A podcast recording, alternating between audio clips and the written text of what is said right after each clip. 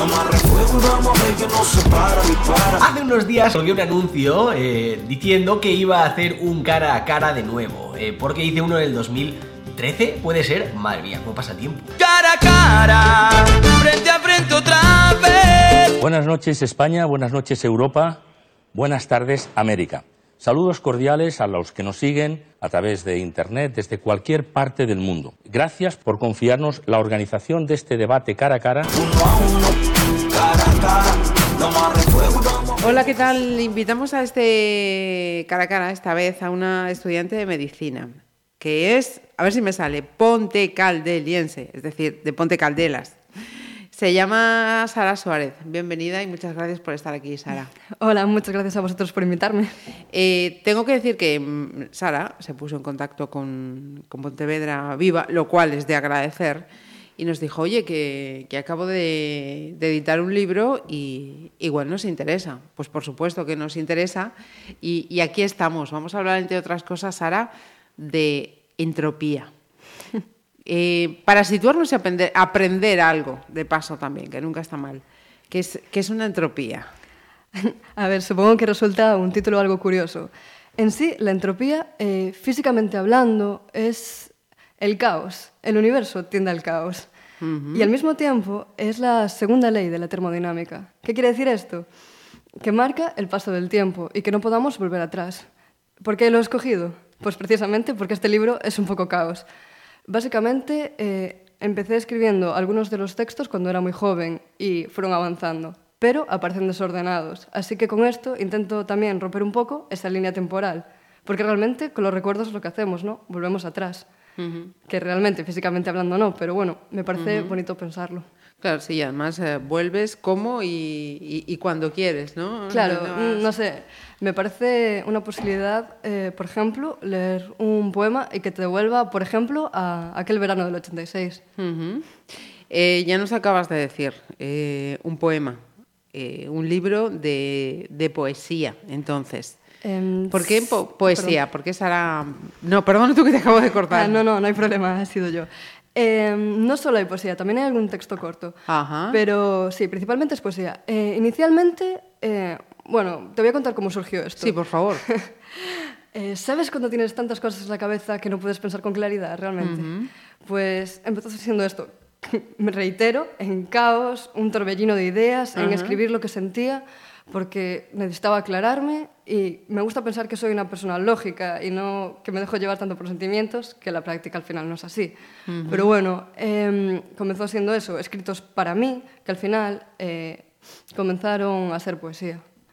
Y Eh, fíjate, el, el contenido entonces eh, es mm, puramente eh, Sara Suárez.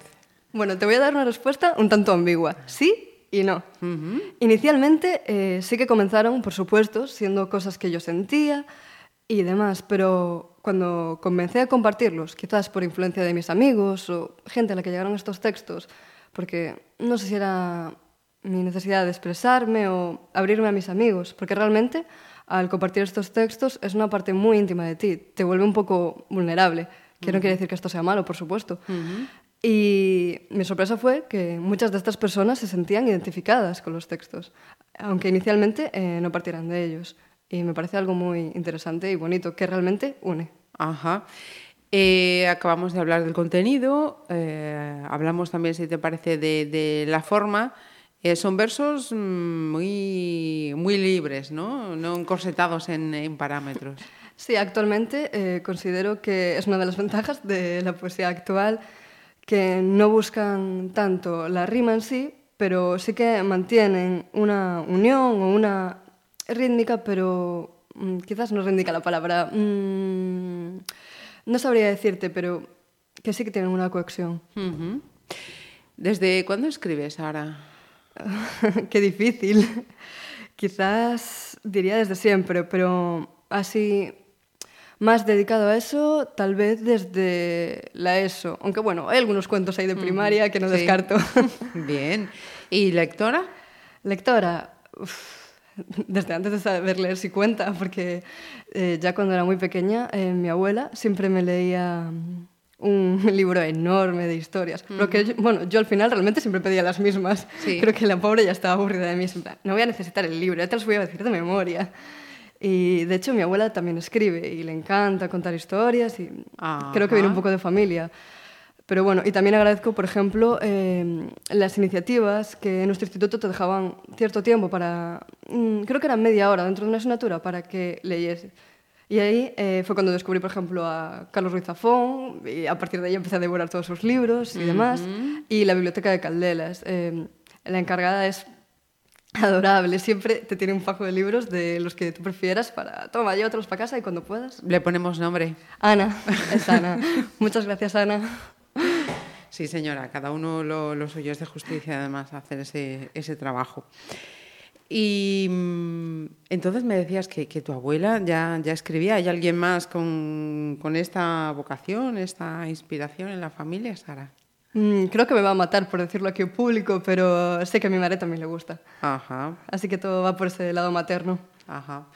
Mira, mm, yo te mm, preguntaba antes una cosa, porque al leer algunos de, de tus poemas y ver que estaban escritos con, con grafía de máquina de escribir, eh, el hecho de que se titulara Entropía, esa relación con el caos, eh, de repente me ha venido a la cabeza Robert Drake, este joven eh, americano que escribió, entre los libros que tiene escritos, Beautiful Chaos, que tiene esa, esa forma también tan, tan particular, ¿no? Él difundía en sus tweets esos versos escritos en esa... Y he dicho yo, pues mm, tendrá que ver este chico como influencia de Sara y resulta que me dice, pues la verdad es que no. Sí que es cierto que, como me comentabas, eh, resulta que sin darme cuenta sí que lo conocía de la ESO. Y sí que durante un tiempo eh, seguí mucho su trabajo. Pero actualmente mi mayor inspiración, por así decirlo, y quien realmente hizo que quisiera escribir un libro fue Elvira Sastre. Ajá. No sé ¿Por si la Elvira- conoces. Elvira Sastre. Pues em, ahora mismo está siendo bastante mediática y conocida. Em, me parece un icono muy importante de la poesía española. Tiene mucha fuerza, sus versos me parecen brutales, cómo se expresa, em, realmente la admiro mucho. Eh, y la conocí de casualidad, porque una amiga mía me empezó a insistir, lee a Elvira Sastre, y yo, ya lo haré. Y menos mal que lo hizo. Y, y dar el paso a la edición, Sara, ¿cuándo se produce? ¿Cuándo dices, esto no me lo voy a guardar para mí, para mi entorno más cercano, sino que lo tengo que compartir? Pues supongo que por la acogida que tuvieron en las redes sociales. Eh, yo eso, de vez en cuando eh, comenzaba, bueno, comenzaba, de vez en cuando eh, subía algunas imágenes con los textos a Instagram y veía que la gente comenzaba a compartirlos o que me respondían, ¿y esto de qué libro lo has sacado? Y yo, no, es- esto lo he escrito yo. y me sorprendía. Y mis amigos me dijeron, oye, si escribes tanto, si tanto te gusta, y además de leer, escribir, ¿por qué no intentar sacar un libro? Ujú. ¿Y, y eso fue? Supongo que ya llevan diciéndomelo desde finales de la ESO y bachillerato. He de decir que mis profesores también siempre eh, me ayudaron muchísimo y que los conocimientos que realmente tengo de, escri- de escribir vienen todos del instituto. Ajá. Em, pero, mm, ¿cuándo has dado este paso? ¿Ha sido este Eh, año? ¿Fue el año pasado? El año pasado eh, comencé a adaptar el manuscrito, pero realmente nunca me convencía. A día de hoy sigo diciendo que podría Le mejorarlo. seguirías haciendo Claro, cambios. pero bueno, supongo que a todos nos pasa eso. Eh, sí, y realmente lo, mandé a las editoriales este eh, enero. Lo mandaste a las editoriales. ¿Y quién fue la que dijo, esto me lo quedo? He de decir que todas. Sí. Eh, sí, pero realmente por las condiciones y demás me decidí por Ole Libros, una editorial de Valencia. Ujú. O sea que Ole ha apostado fuerte por, por Sara, entonces. Quiero pensar que sí. Mira, eh, otra de, de las facetas de Sara Suárez es la, la otra vocación por la que se está formando. Eres estudiante de medicina, estudias medicina en Santiago. Tercero, me decías. Eh, sí, es un curso un tanto complicado, pero la verdad es que lo estoy llevando con muchísimas ganas. ¿Y lo de medicina? ¿por qué, por qué fue? ¿También había alguien cerca que te llevó a la medicina? ¿Fue algo totalmente...? Uf, no sabría decirte. Desde pequeña mi madre me dijo, ¿por qué no te dedicas a ser médica por qué no medicina? Y yo, yo, no, no me gustaba. Claro, quizás de pequeño tienes esa aprensión a la sangre y no quieres saber nada al respecto. Bueno, esto va a sonar a topicazo, pero luego comencé a ver House, Anatomía de Grey, que es lo primero que te dicen en la facultad al llegar. En la charla de inicio nos dijeron, bueno, a todos los que estáis aquí por esas series, esto no es real, no es lo que va a pasar. Suele pasar en el Y también, mi mejor amigo- 99% de las profesiones. Eh, uno de mis mejores amigos, eh, Martín se llama, eh, estuvimos juntos desde pequeñitos y también se dedica curiosamente a la medicina. Ajá. Y ahí estamos los dos. ¿Y cómo está resultando? Mm, Pues muy bien, la verdad. Eh, al, al comienzo tenía un poco de miedo porque, claro, no sabía si me iba a gustar, no sabía cómo iba a reaccionar, si realmente iba a poder abarcar todo lo que la medicina es. Pero a día de hoy es una decisión que me alegro mucho de haber tomado. Estoy muy, muy contenta. Soy la primera en llegar a las prácticas con mi bate y decir, enséñame más, por favor. Soy una persona muy curiosa, me gusta aprender. ¿Alguna especialidad ya que tengas claro? Todavía eso queda lejos. Resulta que cuanto más avanzo en la carrera, menos claro lo tengo. Eh, cuando empecé la carrera decía cirugía, cirugía, o quizás ya neurocirugía o cardíaca, todas me llamaban mucho. Y ahora cada vez eh, me decanto más por una especialidad médica. Esto quiere decir que son más orientadas al diagnóstico. Mira, eh, hablamos de, de más cosas para las que saca tiempo Sara, mm, porque eso, estudia medicina, que ya requiere su, su tiempo. Eh, escribe, por cierto, ¿cu- ¿cuándo escribes? ¿Hay algún momento del día? Eh, ¿Alguna situación emocional? ¿Cuándo te surge? ¿Cómo, cómo haces? Supongo que está más relacionado eso con las si- situaciones sentimentales, quizás con las caídas de ánimo o cuando estoy más contenta, o momentos que realmente te lo piden. Mm, Sí que hay momentos, como por ejemplo cuando quería acabar el libro, que me dedicaba más y me iba a tomar mi café. Me gusta mucho irme con... También va a sonar mucho a lo que hoy en día llamamos postureo, realmente, que es irte con tu ordenador a la cafetería, a tomar café y escribir. Que... Pero realmente es que, mm, por ejemplo, eh, te comentaba que mm, eh, he estado bastante en Holanda. Allí hay una librería café, que eso, que tú puedes coger los libros que hay allí mientras te sirven y realmente ese sitio inspira mucho. Ves a toda la gente a tu alrededor dedicados a eso y es algo muy interesante. Toda una filosofía de vida y toda una cultura por aprender la holandesa. Eh, por cierto, eh, también sacas tiempo para la música, me decías, de toco la guitarra y el piano. Bueno, toco, toco, yo lo intento. Es algo más por ocio. Sí que fui un año al conservatorio cuando era más joven, eh, creo que fue en segundo o tercero de la ESO, y luego seguí por mi cuenta. Tengo muchos amigos que sí que se dedican profesionalmente a la música y quedo con ellos, toco, y realmente es algo muy divertido. O, ¿Por qué no coger la guitarra, irte al campo y cantar todos? Luego ya se quejarán los vecinos, pero... En el campo nada. Los animalicos y los pobres eh, tampoco creo que se quejen mucho. Mira, y, y lo del fútbol sala. Eh, sí, juego al fútbol sala en un equipo de Santiago, Agayola se llama. Ajá.